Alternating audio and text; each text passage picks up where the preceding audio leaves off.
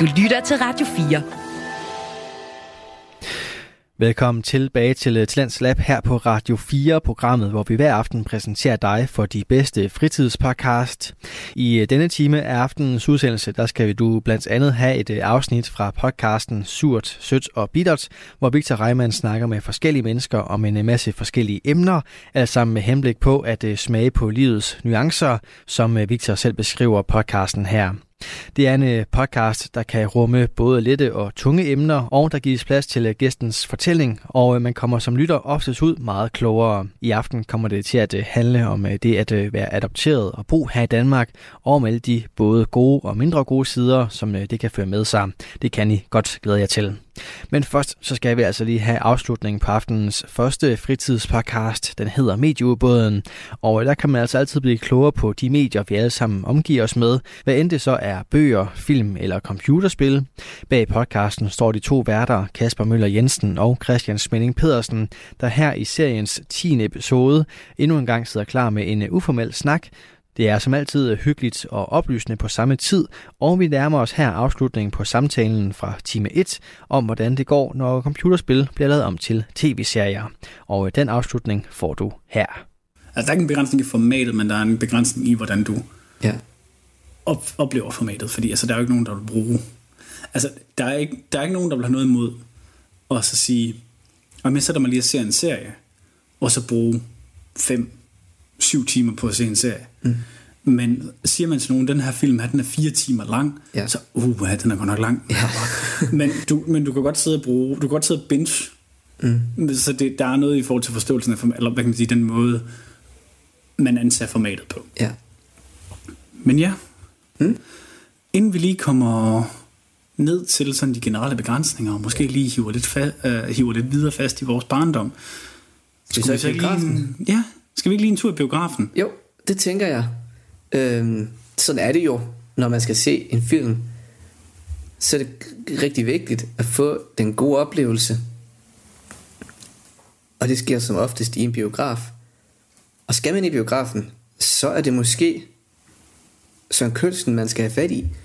Øhm, Lokallegenden for Høslev.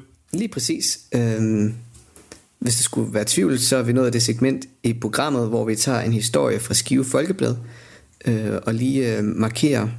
Øh, og den her gang der er det en historie om en, øh, en rigtig arbejdsmand fra Højsløv, øh, som jo faktisk er den by i Skive Kommune, som jeg selv er vokset op i.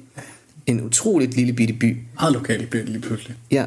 Øh, og overskriften lyder, stort job til Søren fra Højsløv, skal være chef for 900 medarbejdere og 23 biografer.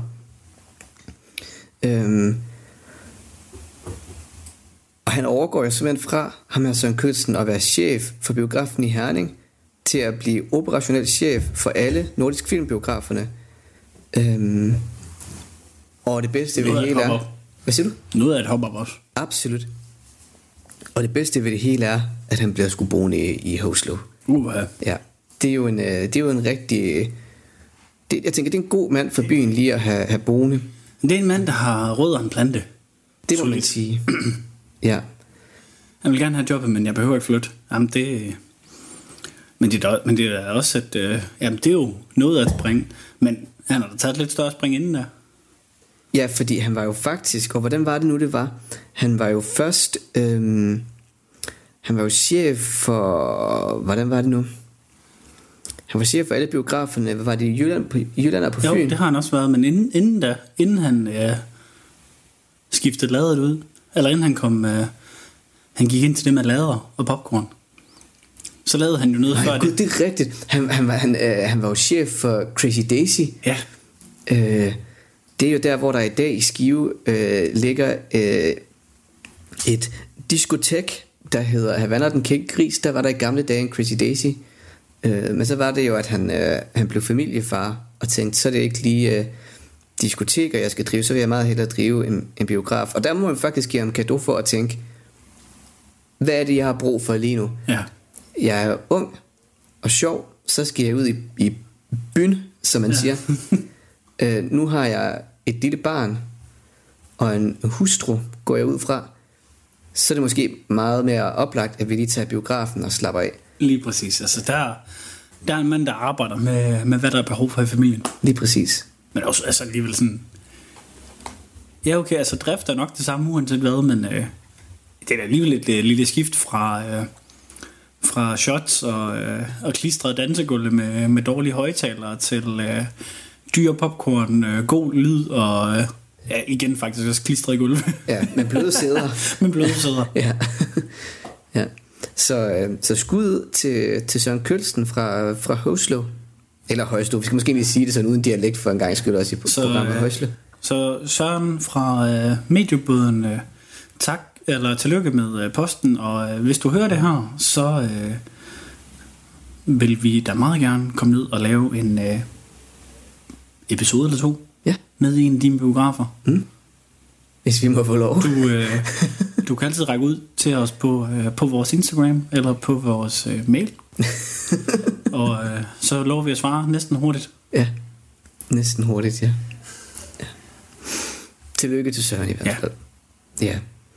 Men, øhm, men hvad skal vi så nu, Christian? Men, nu har vi kigget på nogle eksempler. Ja, men tilbage til det her, ja. Men nu har vi også gået lidt ind i, hvad kan man sige, Øh, begrænsningerne der er. Og begrænsningerne, det er jo det her med, hvor mange, hvor meget kan man egentlig nå igennem, hvor meget kan man egentlig nå igennem på den tid, man har i et serie kontra et spil, jo, du har, altså i, i selve spillene i sig selv, du har jo x antal ting, du ligesom skal igennem, før du kan se det være, være, være gennemført, men, og der er også noget tid, det kommer til at tage i sig selv, men om du bruger den tid, der er tiltænkt til tingene, du bruger endnu længere tid, fordi du skal lave noget, det er lidt ligegyldigt, fordi der er ikke som sådan nogen tidsmæssig begrænsning. På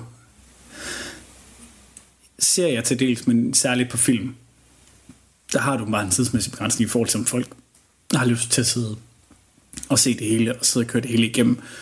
Hvor med serier kan du nemt, hvad kan man sige, lige bruge en episode eller to mere, og du kan nemt sådan lige springe fra hovedhistorien til en sidehistorie og sådan noget, der er lige lavet et enkelt pauseafsnit mere eller mindre, mm. hvor det kan du ikke rigtig i en film, fordi så bryder du bare det her flow her, der ligger i filmen. Ja.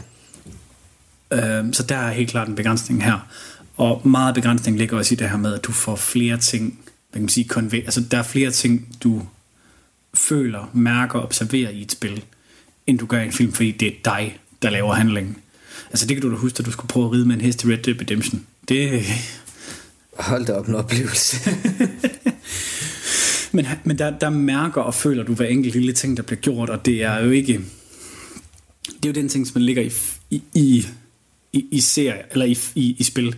Du siger jo aldrig nogensinde, hovedkarakteren gjorde det her. Mm. Man siger altid, jeg gjorde det her. Ja. Men det gør du ikke, når du ser en film. Der siger du ikke, jeg gjorde det her. Der siger du, nej, hvor var det vildt, at hovedkarakteren gjorde sådan og sådan og sådan. Mm. Så der er også igen den her sådan lidt større distance mellem dig og karaktererne. Ja. Så der er, der er simpelthen noget der, der ligger, øh, som der ikke helt kan komme af med, før det er, man laver en 100% interaktiv øh, VR-film. Mm. Jeg tror også, øh, og det, det gælder nok egentlig også for bøger, men jeg tror også, at det at se en serie, det minder også meget mere om, hvordan man øh, konsumerer et spil. Ja. Altså man sidder jo ikke, tænker jeg i hvert fald ikke ret ofte, at man gør, hvor man ligesom øh, spiller et helt spil igennem en, en one go, ligesom man vil se en film. I det kommer an på, hvor langt, hvor langt og kompliceret spillet det er. Ja, men hvis, nu, nu, nu nævnte vi eksempelvis The Last of Us ja. 2, hvad var det, 15 timer? Ja, 15 timer, mm. men det er bare for hovedhistorien. Ja. Uh, full completion, det er cirka 30 timer, og ja. så lander de fleste nok et sted derinde imellem. Mm. Så hvad kan man sige, skal vi sige, den gennemsnitlige spiller nok spiller 20, 20-22 timer ja. i det spil. Men igen, det er men også... det er der ikke nogen, der, men det er der ikke nogen, der gør i one setting, men altså, man kan sige, der er jo selvfølgelig nogle spil, der kun tager 5 mm. timer at gennemføre. Ja, men jeg tror også bare, min pointe er, at ligesom at man oftest med et spil vil sætte sig ned og spille en periode, og så lægge det fra sig igen ja. og vende tilbage til det. Ja. Ligesom man også vil med en bog, læse og så lægge mm. den fra sig igen og vende tilbage. Sådan gør man jo også oftest med serier. Det gør ja, ja. jeg i hvert fald. Altså, ja, ja. Jeg, jeg er måske også et atypisk lige på det plan, fordi jeg kan ikke binge-watch en serie. Så for mig, der vil det at binge-watch en serie mene, at det betyder, at jeg ser et afsnit hver aften. Ja, ja. altså det er binge-watching for mig. Jo, jo, men det, øhm. det, men det er du også helt ret i. Det, den måde, du konsumerer en serie på, læner så også mere op af, hvordan du vil spille et spil, mm. hvis vi skal holde os inden for, ja.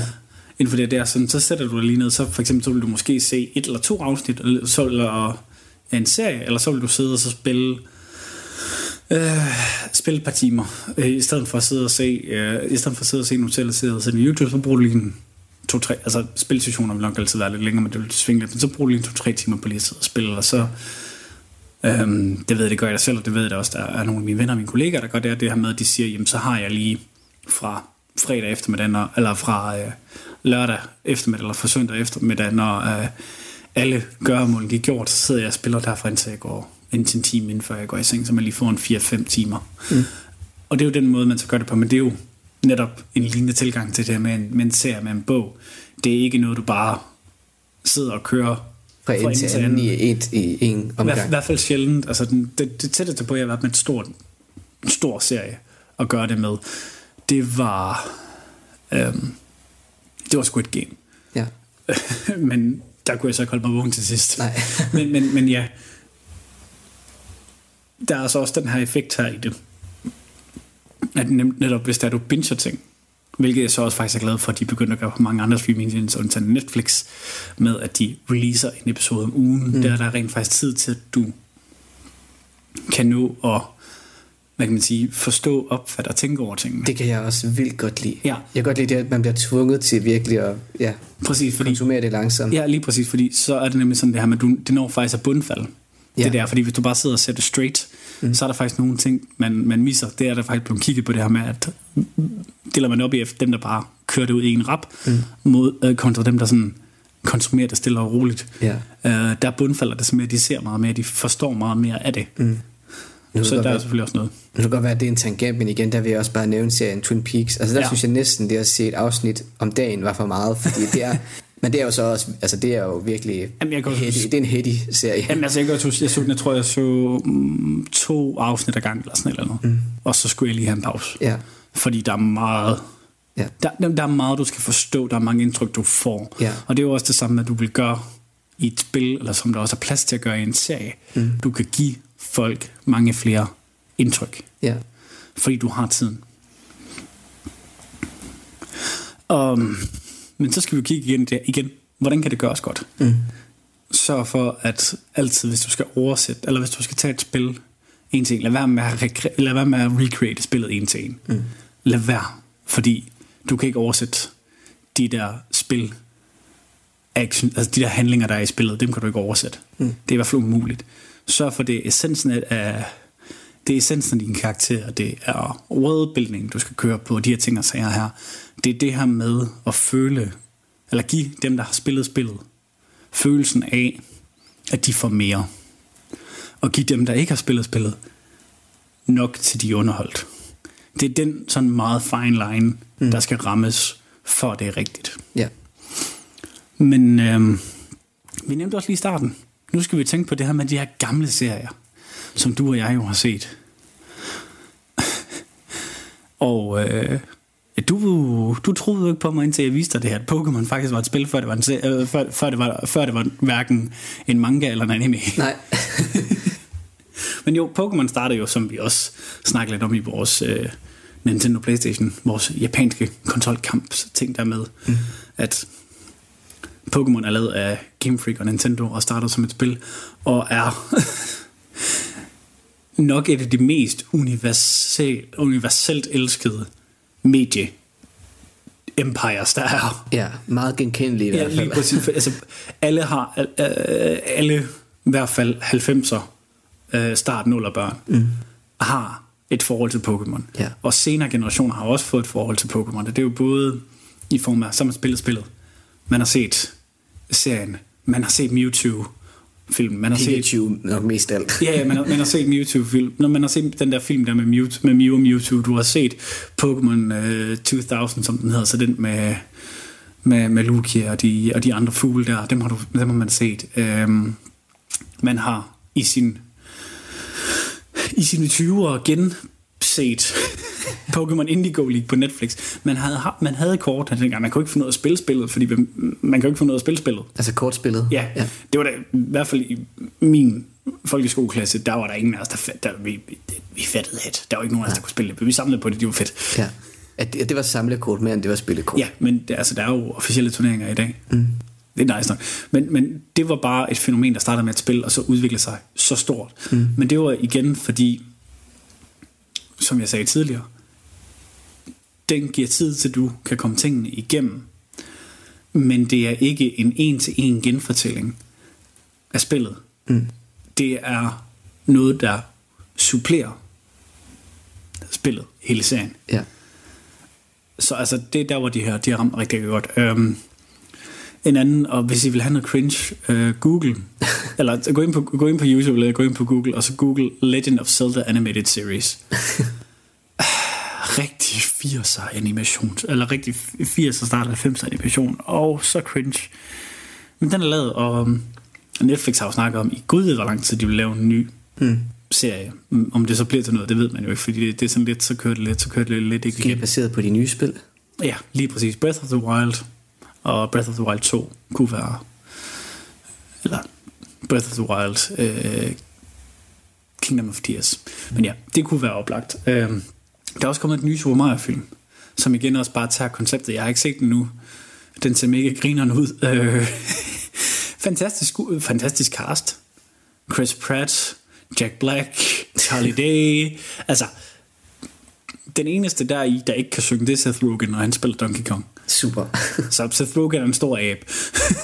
Perfekt. så igen, men, men, men ja, der har de også igen ramt nogle ting, der, der, der igen virker, fordi de fokuserer på kernen af historien. Mm. Og det er så der, de ting, de så begynder at være gode. Og vi har nævnt nogle af de her lidt mindre vi har lavet nogle... Altså, Pac-Man er faktisk også stadigvæk en serie. Der kommer en ny serie med Pac-Man, som jeg faktisk sidder og så. Meget hyggelig børneserie. Nå.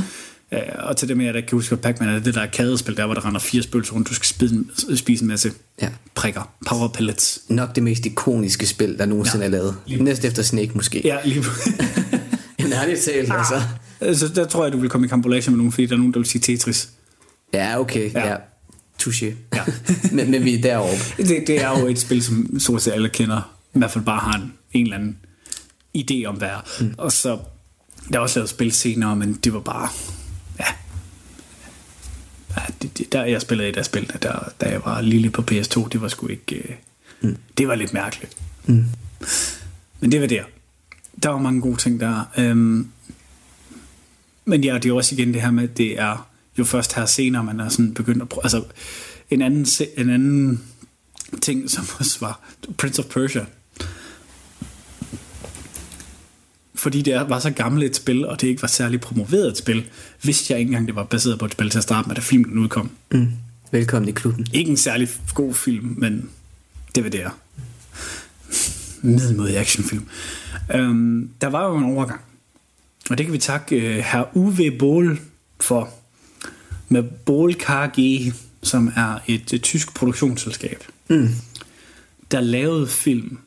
Han købte simpelthen bare IP'erne på mindre kendte spil, ikke så udbredte spil, som for eksempel House of the Dead og sådan nogle ting og sager. Og så lavede han middelmåde film ud af det. Fordi der på daværende tidspunkt var under tysk skattelov, at hvis du ikke tjente penge, så skulle du ikke betale skat. Okay, det lyder ikke som en ret tilfredsstillende kreativ karriere. Han elskede, altså, han tjente kassen på det lort. Ja, okay. Han tjente kassen på det, så de var tyske men kun i navn. Okay. Alt andet det var produceret i USA, og hvor end det nu skulle være, men så fordi at han kunne lave det lille loophole der, mm. så i stedet for at finde på noget selv, køber lige en IP, baserer det lidt løst på det, laver noget sådan dårlig action horror, mega low budget, og øh, scorer lige kassen på det ved at kunne få en øh, fed instruktørløn, og la la la la. Og så fordi at den øh, altid klarede sig elendigt til box office, så gik den jo, hvis han var heldig i 0, og hvis han var rigtig heldig i minus.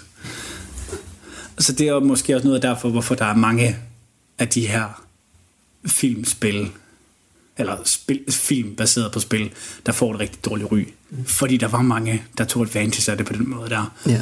Og det er bare synd. Mm. Fordi at der bare var nogen, der købte her IP'er herop. Men så kan vi så også vende om at sige, det er godt nok heller ikke alle spil baseret på film, der er gode. Nej. Rigtig mange Marvel-spil, de er ikke særlig gode. Nej, okay. Øh, der er nogle andre spil, som er baseret på film, de er heller ikke fantastiske. Mm. Det tætteste, vi faktisk kommer på gode spil, der er baseret på film, det er nogle af de her gamle Pixar og øh, Disney-spil, der er baseret på dem. Øh, der var også et par Harry Potter-spil, der var udmærket, men ikke sådan helt vildt, men ja. men der, øh, Toy Story 2, fantastisk spil. Atlantis-spillet, fantastisk spil. Men der var det også igen dem, der havde lavet tingene, der selv var med ind over det. Mm. Og det er igen, der havde ligesom en ærkærhed omkring det. Ja. Så det er måske også lige så meget det, man ligesom skal opfordre til. Hvis det er, I gang, hvis det er der skal det her med, så skal dem, der er med til at lave det med ind over. Øhm, et andet godt eksempel. Øhm, nogle af de første South Park-spil, der blev lavet, var elendige. De sidste to South Park-spil, der blev lavet her, The Stick of Truth and The Fractured Butthole. Ja, det er et pun. Ja. Pun intended. Ja, og det, ja, lige præcis. Men de er sindssygt gode, fordi netop, at Matt Stone og Trey Parker har været med til at skrive spillene, har været med til at produce spillene, har været med ind over det. Mm. Så det er den her sådan gensidige ærkærhed omkring processen. Der er det her. Og det er netop det her med, at, hvad kan man sige, at noget virker bedre end, end andet, og noget, det kan objektivt godt sige sig for noget skrald. Mm det er simpelthen fordi det her det handler med sådan, jamen er det bare nogen der bare har købt det bare for at lave noget for, for at tjene penge hurtigt? Er det bare et større studie der bare siger jamen vi skal bare have nogle penge for det og så er stedet det gik med det og merch er merch og ja ja. Eller er der rent faktisk nogen der gerne vil fortælle en historie? Er der rent faktisk nogen der gerne vil bruge det til det? Er der nogen der rent faktisk gerne vil udvide den verden der er i det? Ja. men vi har jo givet lidt små anbefalinger her i løbet af episoden allerede. Øhm, jeg skulle lige sige at der er nogle flere du tænker du kan, du kan sådan anbefale. Altså, der er selvfølgelig uh, Cyber, Cyberpunk Edge Runners, jeg har begyndt lidt på. Den ser mm. god ud. Ja. Øhm, ja, hvad er der ellers? Altså, der, du kan altid hoppe i gang med Sonic, og alle dem, der er hans. Noget af det er godt, meget af det er cringe, men det er Sonic. ja. øhm, Sonic-filmene, de to Sonic-film, der er mm. lavet, kan vi lige hurtigt nævne. De er hyggelige. Okay uh, rigtig feel good børnefilm, og det med Ben Schwartz, som lægger stemmen til, til ham, hvis man uh, synes, det navn lyder bekendt. Mm. Så er det ham, der spiller Sean Ralphio for Parks and Recreation. um, super hyggelig film. Um, igen, de beholder koren af historien, men fortæller det i, i en anden setting. Og, og Jim Carrey er bare Jim Carrey og spiller fantastisk. Ja. Yeah. Så igen, Uh, lad både Arcane, The Last of Us, Castlevania og The Witcher og X-Men og altid Pokémon. Ja. Altid Pokémon. Ja. Vær klar anbefalinger. Anbefalinger, hvis man ikke har set det allerede. Ja, der kommer eller, så man til for, eller man har behov for at gense det. Ja, eller det er. Jeg får tænke på, er der et kæmpe stort eksempel, vi har glemt, Christian? Det kan godt være, at jeg tager helt fejl, men hvilken inkarnation startede Tron i? Var det et spil? Nej, uh, Tron er var originalt, og det tangent for mig som er lidt nørd omkring det, men ja. Vi kan klippe det ud, hvis det ikke er relevant, jeg bare lige tanke om det. Nej, meget, meget, meget, meget hurtigt, meget, meget kort. Uh, Tron var en film, der blev lavet af Disney helt tilbage i 80'erne. Ja. Med Jeff Bridges i hovedrollen, og nej, det var ikke baseret på et spil, det var bare en rigtig, rigtig fed idé, de havde. Og den blev aldrig rigtig sådan noget, så med at blive en cult classic, der blev lavet lidt spil på baggrund af det, altså arcade-spil, okay. der så matchede dertil. Ja. Um, og mest af alt skulle den faktisk bare lidt mimike det der tech-boom, mm. der var at fortælle lidt af den historie, som der havde været i Activision dengang, øh, som er en øh, spilfirma. Ja. Og så kom toeren så lidt senere, og der blev så lavet ting med det og sådan noget der. Men nej, Tron er originalt en film. Okay, super. Modtaget. Men relevant spørgsmål og fed film. Ja, ja. Fede film. Daft Punk lavede et soundtrack til... Toren, ja. ja. Kongespil. Eller konge... ja, nej. Konge-soundtrack. Øh, og hvad er det nu, den hedder? Den der, hvor de er inde på klubben og fight. Jeg har ikke set set filmen. Oh, I know it. Bear with me, listeners. Because this is important. This is important. D-Rest hedder den sang. Mm. Den er så hype en sang. Så hype. Men ja, øhm, hvis der er noget, vi har glemt, kære lyttere, Interager. Øh, øh, kommenter, på, kommentere på det opslag, vi, vi, vi har lavet inde på vores uh, Instagram. Slide ind til vores uh, DM's, medieubåden på Instagram og Twitter. Kom med jeres egne anbefalinger. Ja. Kom med noget obskurt, vi ikke selv kender til. Ja. Hmm? Anbefale, anbefale, anbefale noget, øh, jeg skal se og spille, og noget Kasper skal måske spille og se. jeg, har ingen, jeg har ingen spillekontroller. Nej, du kan låne en. Fedt. Men ja, øh, jeg smider en kommentar inde øh, på vores øh, Instagram-side, når vi lægger et opslag op. Slide ind for DM's. Ja. Vi hører og lytter gerne. Øh, Begge dele faktisk, både hører og lytter. Ja, lige præcis. Og, øh, og hvis at, øh, det er en af jeres ting, som vi kommer til at hive frem, så skal vi nok huske at give et shout-out. Ja. Mere er der ikke at sige om det igen, så nu tænker jeg, at vi... Øh, skal vi det op til overfladen igen? Nu tænker jeg, at vi har brug for at få luft igen, komme op og øh, komme op til virkeligheden og ikke øh, være så dybt nede længere. Fedt. Godt arbejde, Christian. I lige med. Vi, øh, vi ses om 14 dage. Ikke os to, Christian, men os to, eller os to og lytter, vi ses ja. igen om 14 dage. Det gør vi. Ja. Ha' det godt så længe. Bye bye. Du lytter til Talentlab på Radio 4. Det var altså øh, afslutningen på samtalepodcasten Medieubåden, hvor øh, Kasper Møller Jensen og Christian Smelling Pedersen hver gang taler om øh, nogle af de medieprodukter, som vi omgiver os med. Og det er altså både bøger, film eller tv-serier eller musik for den sags skyld, som du kan blive klogere på inde på din foretrukne podcast tjeneste, hvor du altså kan finde Medieubåden. Men nu der skal vi altså videre til øh, aftenens anden fritidspodcast. Det er en episode af serien Surt, Sødt og Bittert, hvor Victor Reimann i denne omgang tager en øh, snak med sin gæst om at være adopteret og bo i Danmark. Det er en øh, podcastserie, som hver gang sætter lys på et nyt emne, som en gæst har med sig. Det bliver uden tvivl oplysende og interessant, og der er ingen tvivl om, at du nok skal gå fra afsnittet her klogere, når Victor i aften snakker med gæsten Chandra om det at være adopteret. Den samtale får du her. Smag giver livet indhold. Surt, sødt og bittert er podcasten, der vurderer, reflekterer og interagerer. Vi smager på livets nuancer. Velkommen til. I det her afsnit får jeg besøg af Hun er 23 år gammel, hun er vokset op på Bornholm, og så er hun adopteret fra Indien. Hun har flere gange stået frem i blandt andet podcasten We Need to Talk About This, hvor hun taler om adoption og det med at være brun i Danmark. Hun er lige blevet færdig med uddannelsen i entreprenørskab og design, og når ja, så har hun også startet sin egen virksomhed. Velkommen til Chanda. Bare lige sådan for at, at rise op, så kom du til Danmark i år 2000. Og det er faktisk sjovt, fordi jeg kom jo selv til Danmark øhm, i år 2000. Jeg er nemlig også adopteret. Øhm, jeg kom faktisk til at tænke på, kan du egentlig huske den første gang, at du ligesom opdagede, at du var adopteret? Altså, det er altid noget, vi har snakket meget om, og vi har altid fejret, sådan, vi, vi kalder det hjemkomstdag. Den dag, vi kommer til Danmark, er det altid sådan en ekstra fødselsdag, vi har fejret meget. Men jeg tror, første gang, det virkelig gik op for mig, det var, da vi var i Israel med mine forældre, og vi skulle ind i en synagoge. Der er jeg måske 11 år, 11-12 år, og der vil de ikke lukke os ind sammen, fordi vi ligner ikke vores forældre. Og de tror ikke på, at min mor er min mor, og min far er min far. Og det var sådan en meget speciel oplevelse, fordi det var første gang, jeg også har set mine forældre sådan skulle forsvare, at vi er deres børn.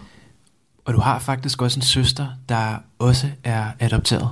Hun blev adopteret i 2004, Altså, jeg har nogle minder helt klart. Jeg var med nede og hente hende på børnehjemmet, så ligesom også været en del af det hele, hvilket jeg synes har været virkelig rart, og noget vi har fælles jo. Vores ture og vores familie. Men jeg tænkte egentlig på, har du egentlig også gået op i, hvad Indien egentlig var for et land? Altså ja, det har jeg. Jeg synes, mine forældre har været gode til det, frem til en alder, hvor vi selv blev interesseret i det. Og de har været gode til sådan at lave indisk mad til os, og sådan fortælle os om, hvor vi kommer fra, og og jeg blev også taget med ned og hente min lille søster, hvor jeg kunne huske nogle ting derfra. Husk øh, sådan, altså mest bare omgivelserne. Altså det er jo meget sådan, det er bare sådan det der mindet om ens børnehjem, der står meget klart. Mm. Altså sådan væggene og rummene og sengene og lugtene og og det er ikke noget, jeg har tænkt så meget over, før at vi kom derned igen i 2016. Min forældre tog os med på en tur derned, hvor vi besøgte vores børnehjem igen. Hvor det hele, det var bare sådan, det sad bare i mig så meget. Ja, altså det var virkelig ja. overvældende oplevelse at komme ned og opleve igen. Vi var i New Delhi en uge, og det er i sig selv en meget intens by at være i. Og vi boede på et ret fint hotel, og ude foran, der lå folk på gaden og sov. Så det er sådan så mange kontraster. Og så så besøg ens børnehjem, og sådan, der var nogle damer, der kunne huske mig. Fordi jeg ikke ligner sådan et klassisk indisk barn. jeg har meget krøllet hår, og, og ser lidt anderledes ud. Så da vi kom ind på børnehjemmet, var det sådan, Nå, ej, det er Chanda. Og det var den vildeste oplevelse. Og jeg tror også altid, at jeg følte mig lidt anderledes, selvfølgelig ved at vokse op. Jeg voksede op på Bornholm. Der er ikke særlig mange mørke mennesker. Så man har altid været anderledes, og altid følt mig anderledes. Men også det der at komme ned, hvor folk kan huske en sådan... Jeg tror egentlig, hele mit liv har jeg sådan været lidt anderledes. Og det sådan sat lidt spor i mig efterfølgende, hvor jeg var sådan, hmm, okay, det kan godt være sådan, at, at man er noget lidt anderledes og specielt, og det er også okay. Har du altid sådan stået, stået ved det? Fordi jeg ved, der er mange mørke mennesker, blandt andet afrikanere, der ligesom kan finde på at glatte deres hår, så det ligesom bliver mere sådan skandinavisk udseende. Øhm, er det noget, du har gjort, eller har du hvilet meget i dig selv? Altså, jeg føler, jeg har stået ved det. Men også fordi, at mine forældre, de har jo virkelig dyrket vores selvværd. Så jeg har altid vokset op på meget selvtillid, og, og egentlig altid hvilet meget i mig selv, udseendsmæssigt. Og det har jo gjort helt vildt meget for mig, at jeg har nogle forældre, der er så støttende i det. Også det at se anderledes ud, og med stort krøllet hår og alle de her ting. Så altså, jeg føler, at selvfølgelig har man altid den der følelse, at man gerne vil passe ind. Men jeg tror også altid, at jeg har følt, at det var okay, at jeg bare var mig selv. Har du egentlig nogensinde oplevet, når du siger det her med Indien øhm, har de her kæmpe kontraster i forhold til Danmark? Har du nogensinde oplevet, at man i Danmark ligesom siger til dig, at du skal være heldig, fordi du ligesom er blevet adopteret netop øh, hertil? Altså, ja. Og vi har også snakket meget om det. Mig og min familie, og min, min tante også, der også laver podcast, hvor jeg lavede podcast med hende, hvor vi også snakker om det white saviorism. Det er, når folk i Vesten synes, at de har det så godt, at det er en gave for folk, der kommer fra et tredje verdensland, som Indien jo er, og at det er jo meget bedre at komme til et land som deres, så hvor er man heldig, man er kommet hertil. Og det har jeg det virkelig, virkelig svært med. Altså det er selvfølgelig altid forskelligt, hvor meget jeg gider at gå ind i det, men den er der altid for mig, den der med sådan, hvem er de heldige egentlig? Og jeg tror, sådan, jeg er god til også at sige sådan, nej, det er jo ikke mig, der er heldig, det er jo mine forældre, der er heldige. De har mm. fået deres drømmebarn, og fået lov til at blive forældre. Så de er helt klart i den heldige ende. Der er jo ikke noget i den proces af at blive adopteret, der er heldigt. Altså man bliver efterladt af sine forældre, man kommer på børnehjem, og det kan være hvilket som helst børnehjem. Det er mm. ikke alle børnehjem, der er lige gode. Og det er ikke nødvendigvis det bedste at komme til Danmark, mm. fordi man er så anderledes. Og sådan, jeg er vokset op med hvide forældre, og de har jo ikke kunne lære mig, hvad det vil sige at være mørk. Så det er ligesom sådan noget selv at skulle finde ud af. Jeg synes ikke rigtigt, at der er noget i min situation, der har været heldigt. Altså jeg kunne lige så godt have haft det godt i Indien, fordi livskvalitet er så mange ting. Og det er ikke nødvendigvis det, vi synes, der er i Danmark. Altså at have penge og have et hus og alle de her ting, som der er livskvalitet her. Mm. Og jeg tror også, der er noget, helt klart noget livskvalitet i at vokse op om, sådan, med folk omkring en, der ligner en selv. Jeg ved jo, at øhm, du voksede op kristent, øhm, og din familie og dig har gået i kirke ugenligt. Øhm, hvordan har det påvirket dig øhm, gennem din barndom? Ja, altså vi er altid kommet i kirke, og det, der har både været dårlige og gode ting ved det. Øh, det jeg værdsætter mest ved at vokse op i sådan en kirkemiljø, det er helt klart fællesskabet. Og jeg har nogle virkelig gode venner, jeg er vokset op med. Jeg har altid haft venner i kirken. Så også det der med, hvis man ikke har haft det så godt i folkeskolen, der kan helt føle, at man er passet ind, så man altså kunne falde tilbage på sin tro. Og det har ligesom det, jeg har haft til fælles med mine andre venner. Hvordan har din tro egentlig hjulpet dig sådan på daglig basis? Altså du siger det her med, at du har haft det lidt svært i folkeskolen. Øhm, hvordan helt lavpraktisk har du bedt til Gud, eller hvordan har du gjort? Helt lavpraktisk? Altså ja, det har jeg nok. Jeg har også nogle forældre, der er gode til at sige, skal vi ikke bede for det her? Så det er helt klart noget, sådan, Altså jeg tror helt klart, at tro er med til at styrke folk, uanset hvad der man går og kæmper med. Og der er noget, man kan lægge det over til sine problemer, og det, er sådan, det synes jeg, jeg har brugt meget. Kan du prøve at give nogle eksempler sådan fra folkeskolen? Fordi jeg kan i hvert fald huske fra min egen tid øhm, i folkeskolen, at man ligesom, jeg skulle hele tiden ligesom på en eller anden måde forsvare, at jeg ligesom var adopteret. Øhm, har du nogle, nogle eksempler derfra, øh, hvor det har været lidt svært? Altså nej, jeg har faktisk ikke på folkeskolen, men jeg tror også, okay. det er fordi, jeg kommer fra et meget lille samfund på Bornholm, hvor at folk har godt vidst, hvem mine forældre var, og de andre, sådan, jeg har gået i skole sammen med, har godt vidst situationen. Og det er sådan, ja, det har altid været noget, vi har snakket meget om. Det har først været i gymnasiet, jeg oplevede det faktisk. Men også, der kommer man i en lidt større setting, hvor folk ikke nødvendigvis kender ens forældre, og, og ved, man er adopteret alle de her ting. Altså, jeg oplevede faktisk, det også, jeg synes, det er mega sørgeligt at snakke om, men jeg, der var en pige i min klasse, som der havde var gået op til kontoret, og havde sagt, at jeg havde troet hende.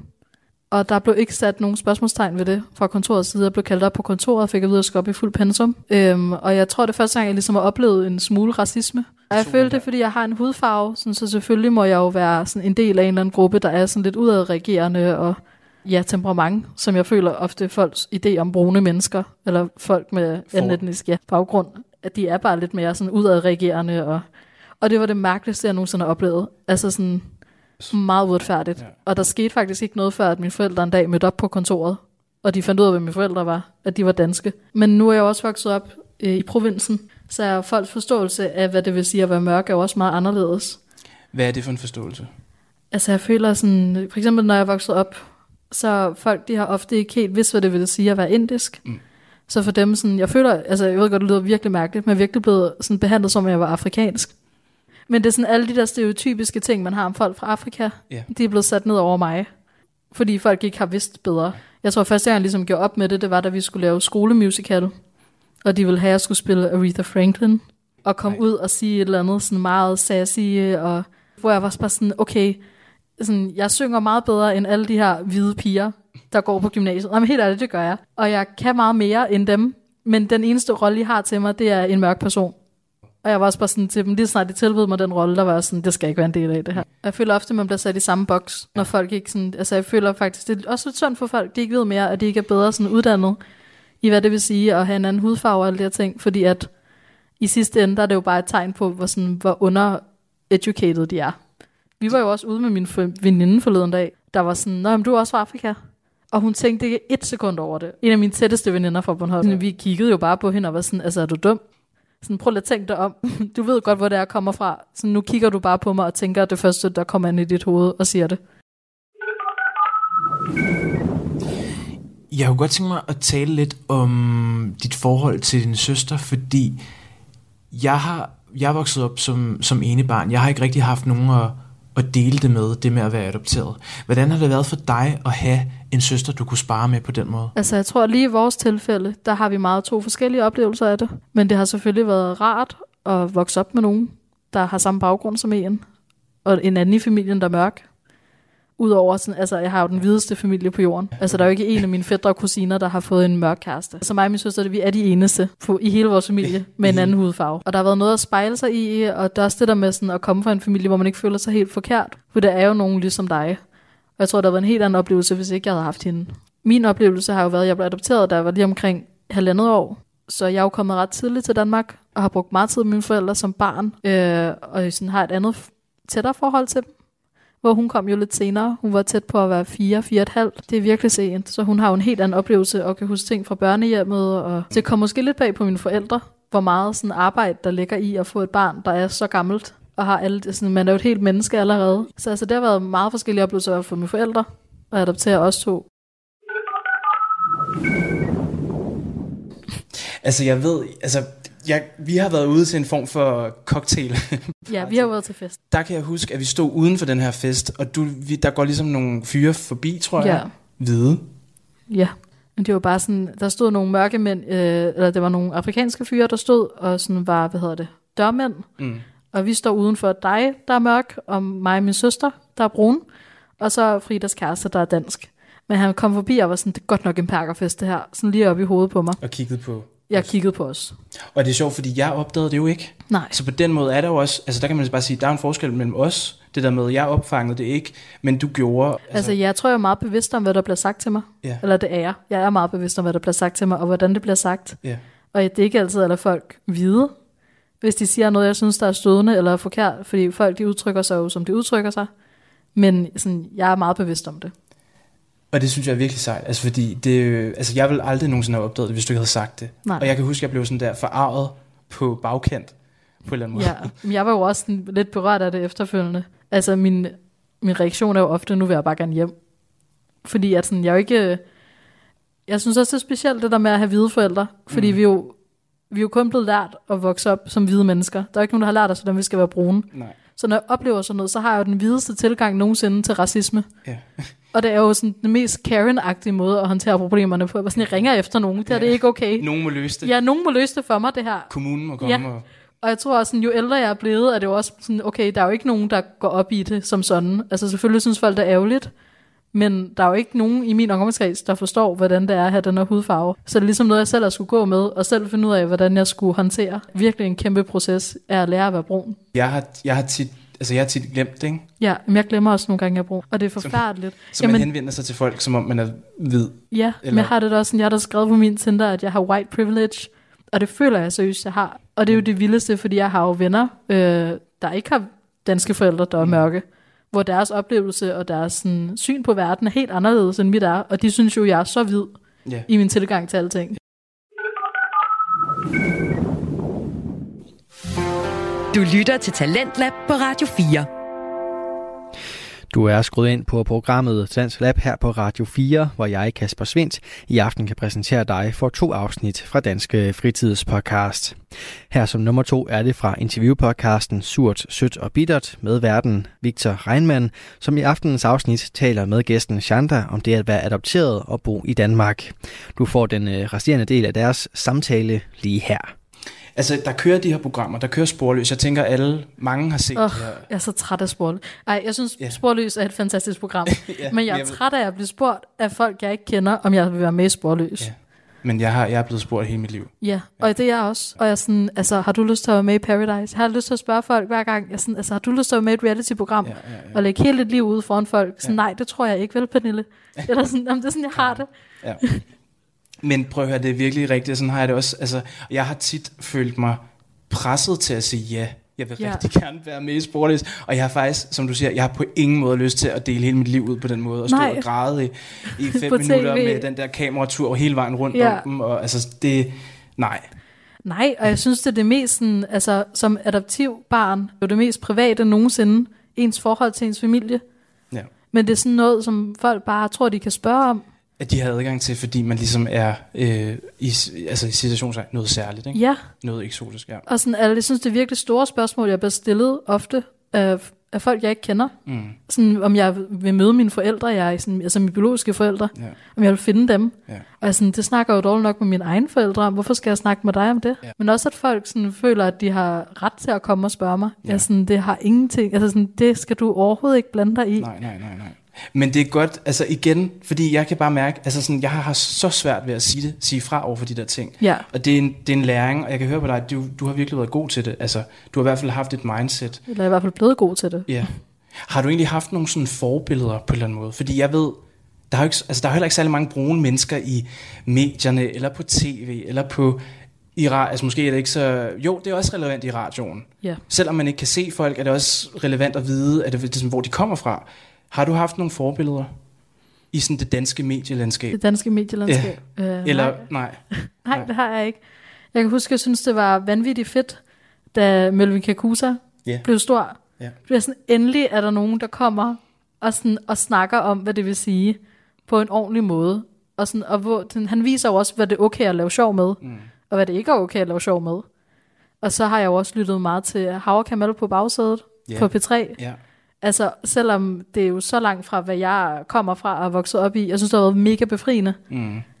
Og ligesom få et indblik i den kultur. Og der er alligevel ting, man godt kan ikke genkende til, ikke? Ja, Selvom man altså ikke er- virkelig, mange af deres oplevelser, de fortæller om, der er sådan, okay, det kender jeg jo godt. Ja. Og det er jo ikke noget, jeg kan høre, når jeg sidder og lytter til Kølingklubben på P3. Nej. Altså, jeg synes, det er, der, der er begyndt at komme flere og flere, som du siger, Hav Gamel og de her komikere. Ja. Øhm, og det synes jeg er virkelig, virkelig godt. Men jeg synes også, det har været et kæmpe problem i barndommen. Blandt andet på øh, Danmarks Radio BRU-afdeling og sådan nogle steder, som Ja. har været rigtig gode til at lave børnefjernsyn, men hvor man igen har tænkt... Altså, jeg, jeg sad faktisk herhjemme her inden det her interview og tænkte, okay, hvem, der har, hvem har egentlig været der?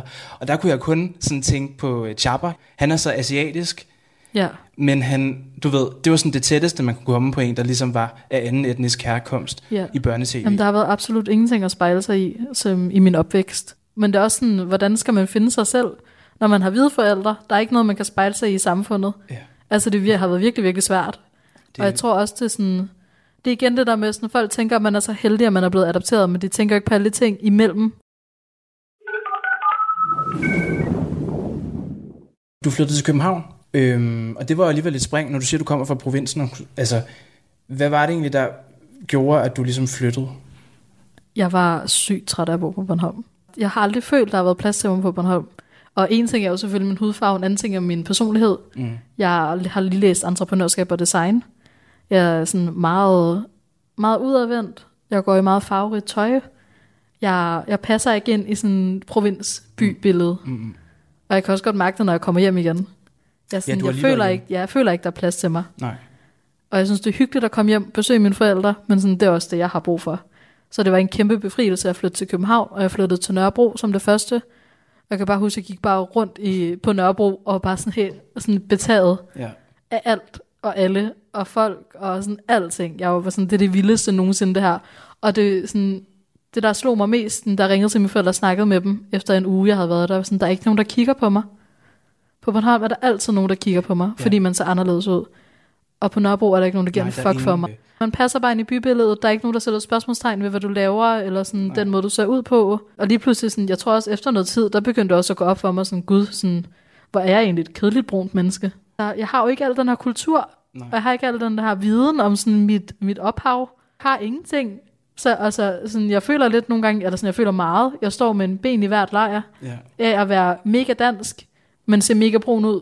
Men sådan, man er ikke helt nogen af delene egentlig. På hvilken måde føler du dig dansk? Fordi dansk er jo sådan et vidt begreb. Der, er jo, der bliver jo altid lavet sådan nogle Danmarks kanoner, og sådan, du ved, hvad, hvad er vores nationalret, hvad er vores øh, nationalfugl, ja. alle de der ting. Hvad er det egentlig, der gør, at du føler dig dansk? Altså nogle gange, så kan det jo komme bag på mig selv, hvor berettiget jeg føler mig til nogle ting. Jeg har lige søgt ind på en uddannelse, jeg sad og ventede på svar, og så var min farmor sådan, Chandler, du skal bare ringe til dem. Ring til dem og sig, du gerne vil ind. Og du, sådan, du har lavet en god ansøgning, du skal bare ringe og forklare det. Yeah. Og, jeg sådan, og min første tanke var jo også bare sådan, ja, selvfølgelig skal jeg gøre det. Og efter noget tid, så er jeg sådan, nej, det skal jeg ikke. Nej, eller sådan, nej, nej, nej. fordi vi er jo ikke mere specielle end nogen andre, nej. eller sådan, der søger ind. Men er sådan en meget berettiget følelse til ting. Altså jeg ved godt, det ikke er en særlig nice ting at have som dansker. Men det er vi jo alligevel, fordi vi har det her velfærdssystem, de her muligheder, og man, som du siger, altså hvis der er noget galt, så ringer man ned på kommunen og siger, hey, kan ja. vi ikke fikse det? Agtigt. Ja, altså, men sådan helt klart sådan berettiget, en berettiget følelse til mange ting. Yeah. Det synes jeg er meget dansk, og det yeah. mærker jeg også i mig selv. Og så har jeg en ven, jeg egentlig sad og snakkede med om det her med at være mørk. Han er fra Pakistan. Øh, hvor vi sad og snakkede om det, var jeg bare for sådan, okay, du er jo meget mere afslappet i det at være mørk. Mm. Og når du mm. oplever racisme, og når du oplever alle de her ting, folk der kigger på dig, og sådan, ja. altså ja, og hvor i sådan min første tanke er jo bare sådan, vil du stoppe med det der lige nu? Ja, du skal ja, ikke kigge på mig. Nej, nej. Hvor han jo bare sådan, jamen det er jo bare sådan, det er. Du skal bare slappe af. Det er jo bare livet. Det er jo bare sådan, det er være mørk. Ja, ja, ja. Hvor jeg sådan, jeg er mørk, og jeg oplever alle de ting, han oplever. Men jeg har også den her virkelig danske tilgang til det, mm. at sådan, jeg skal nok fortælle dig, hvordan det skal være. Ja. Og ja. Det der børnehjem, har du egentlig sådan stadig kontakt til det? Eller sådan, har du overvejer du at tage dig ned igen, eller lave en anden form for sådan velgørenhedsarbejde, eller du ved, hvad, for ligesom at tale deres sag på en eller anden måde, når nu du ja. selv har været... Altså, jeg føler jo sat i en meget privilegeret situation, at jeg er kommet til Danmark, mm. og jeg er kommet til nogle forældre, der har givet mig rigtig, rigtig meget. Både materielt, men også bare, når jeg snakker med mine andre venner, der er adopteret, så føler jeg helt klart, at jeg har en del mere i bagagen fra mine forældre af, som der er rigtig godt, og en masse redskaber. Jeg kunne tale om det, men også i sådan at hvile sig selv, og sådan stille de store spørgsmål, og kunne snakke om dem. Så jeg føler mig meget privilegeret i hele min situation som adopteret. Så altså helt klart føler jeg også et ansvar for at give tilbage på en eller anden måde. Ja. Lige nu har du faktisk lige færdiggjort en uddannelse, entreprenørskab og design. Yes. Og jeg ved også, at du har startet en anden form for virksomhed, noget. Ja, eller i hvert fald sådan, det har været mit eksamensprojekt at ja. starte socialt bæredygtigt virksomhed. Ja, men jeg vil rigtig gerne, jeg har altid følt, at det har været svært at, sådan, at, at have en indisk identitet i Danmark, fordi tøjet passer jo ikke ind, og sådan, man skiller så meget ud. Så jeg er egentlig gået i gang med at designe tøj øh, af indisk materialer, som der passer ind i det danske, sådan, den danske modeverden.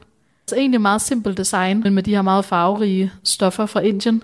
Og så er planen, at det skal produceres i Indien øh, socialt bæredygtigt, så vi kan få skabt nogle arbejdspladser til alle de her kvinder. Og der ligger det jo også i min bagtanke, at de her kvinder, jeg gerne vil skabe arbejdspladser for, det er jo mig selv. Ja. Yeah. Altså, og jeg vil jo gerne hjælpe så meget jeg kan. Altså, så man kan sende sine børn i skole, og man kan betale sin husleje og alle de her ting. Altså på en eller anden måde give tilbage. Så det er helt klart en måde, jeg gerne vil give tilbage på. Det er jo gennem den her virksomhed. Men der er jo også andre måder, man kan give tilbage på, og jeg tænker helt klart, at jeg skal tilbage og besøge mit børnehjem også. Selvfølgelig, ja. Ja. Og lige nu giver du også tilbage ved at fortælle om din historie. Altså, det synes Ja. jeg i hvert fald. Tak. Øhm, her til sidst, ja. så har jeg simpelthen øh, besluttet, at øhm, jeg vil lave en playliste, ja. For ligesom at komme i en god stemning. Øh, og vi har allerede et track, eller et nummer Ja. på den der playliste. Så nu vil jeg spørge, hvilket, øh, hvis du har et eller andet yndlingsnummer, Mm. øh, har du et yndlingsnummer, der kunne komme med på den der playliste? Oh. Altså, hvad er den første sang, der er på playlisten? Det er Tattoo med Loreen, hende der vandt Eurovision her i år faktisk. Ja, hvem har valgt den sang? Øh, det har Jan Lunde, som var med sidst. Han er også, altså det, prøv at høre, det er ham, der er stor for Melodi Grand Prix i Danmark. Okay, Øh, så, så, jeg, jeg tror, så det der er, er lidt, noget connection der. der er noget Melodi Grand Prix connection. Ja, Øhm, men sådan musikmæssigt, hvor ligger du så henne? Kan vi måske spore altså os lidt ind? det, det ændrer sig jo lidt. Ja. Jeg må ikke vælge to sange? Jo, endelig. Okay, To. Kom så de sange, jeg hører mest lige nu, det er uh, You Wish med Flying a Boss. to. Det er så fedt, fordi den er markant anderledes, end den vi allerede har. Fedt. Ja. Og jeg føler også, sådan, det er virkelig en sang, jeg, sådan, jeg lytter til. Og jeg føler mig bare som det sejeste kvindemenneske i hele verden. Altså, når jeg føler, den er så fed, og jeg hører den, når jeg lige skal hype mig selv op. Og så den anden sang, jeg gerne vil komme på, det er en sang, der hedder Jeg er bare glad. Som jeg virkelig En har siddet, en dansk sang, som jeg virkelig har siddet og grædt meget til. No. Fordi at den ligesom bare handler om livet, og alle de her forventninger, man har, og alle de oplevelser, man har. Og så alligevel, så, så skal man bare være glad, når folk spørger, hvordan man har det. Og jeg tænker, at virkelig det er et problem. Jeg har også jeg spillet den for min mor, og jeg sad og græd. Og jeg var sådan, det er den mest fantastiske sang nogensinde. Fordi den handler bare om det her, sådan alle de her forventninger, alle de sådan ting, man gerne vil opleve, både som barn, men også man mister nogen, og, og når folk spørger, hvordan man har det, så er det bare sådan, jeg, jeg har det godt, jeg er jo Ja. bare glad, jeg skal bare være glad. Ja. Og sådan, når der er så meget i det, man kan tænke over. Ja. Jamen det er bare sådan, det er bare den perfekte sang. Og det er sådan meget Men det indkapsler jo også dig. Det der med, at du har begge sider. Du har den danske side, som er lidt det der. Ja, Og så har du den der, øh, I don't give a fuck. Altså, det synes jeg faktisk er virkelig gode, to virkelig gode valg. tusind tak. Og tak fordi du vil være med. Ja, men selvfølgelig tak, fordi du inviterede mig. Ja, det var så lidt. Jeg synes, det er noget, vi skal snakke meget mere om. 100 procent. Og jeg tænker også, at hvis du sidder og lytter til den her podcast, og kender nogen, der er adopteret, Mhm. mm-hmm. så jeg, kan, jeg har sikkert lyttet som om, at man ikke skal stille nogen spørgsmål, og, Det synes jeg ikke, det og, har. og godt.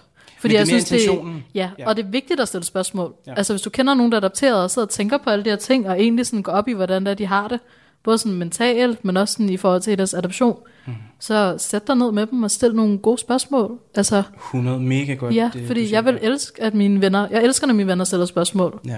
Fordi det betyder jo også, at de, sådan, de ser mig, Og interessere sig for, Ja, og de er. interesserer sig for, hvordan det er at være mig, og være adopteret, og sådan, hvordan jeg ser mig selv. Så jeg synes, det er virkelig vigtigt at stille spørgsmål. 100 procent. Måske bare ikke spørge, om man vil være med i, Sporløs. i Sporløs. Prøv at høre. Mega godt øh, argument og pointe. Tak for det, og tak for nu. tak for nu. Du lyttede til podcasten Surt, Sødt og Bittert. Tak fordi du lyttede.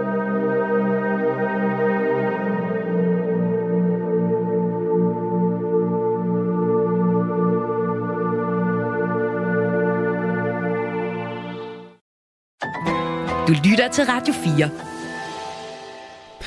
Og sådan lød det altså i denne udgave af podcast-serien Surt, Sødt og Bittert. Det er en interviewpodcast, hvor verden Victor Reinmann vender en masse forskellige emner, lige fra at øh, skabe en øh, karriere til øh, seksualitet, alt sammen med henblik på at smage livets nuancer, sådan som også det bliver erklæret her i podcasten. Og hvis du synes, det er noget for dig, ja, så kan du altså finde podcastserien herinde på din foretrukne podcast tjeneste, og det er selvfølgelig også gældende med aftenens første fritidspodcast. Det var den øh, kulturelle samtale podcast Medieubåden, som består af Kasper Møller Jensen og Christian Smelling Pedersen. Du kan også finde alle vores tidligere Talents Lab udsendelser på radio4.dk og i vores Radio 4 app. Det var alt det, jeg havde på menuen for den omgang. Du kan sende din egen fritidspodcast ind til programmet her, hvis du ønsker at dele den med endnu flere, samt deltage i vores podcast udviklingsforløb, og det gør du via og det gør du via radio4.dk-talentslab. Mit navn er Kasper Svindt, og jeg siger tak for nu. Det er tid til øh, programmet Nattevagten her på Radio 4, så god fornøjelse, og selvfølgelig også på genlyt. Du har lyttet til en podcast fra Radio 4. Find flere episoder i vores app, eller der, hvor du lytter til podcast.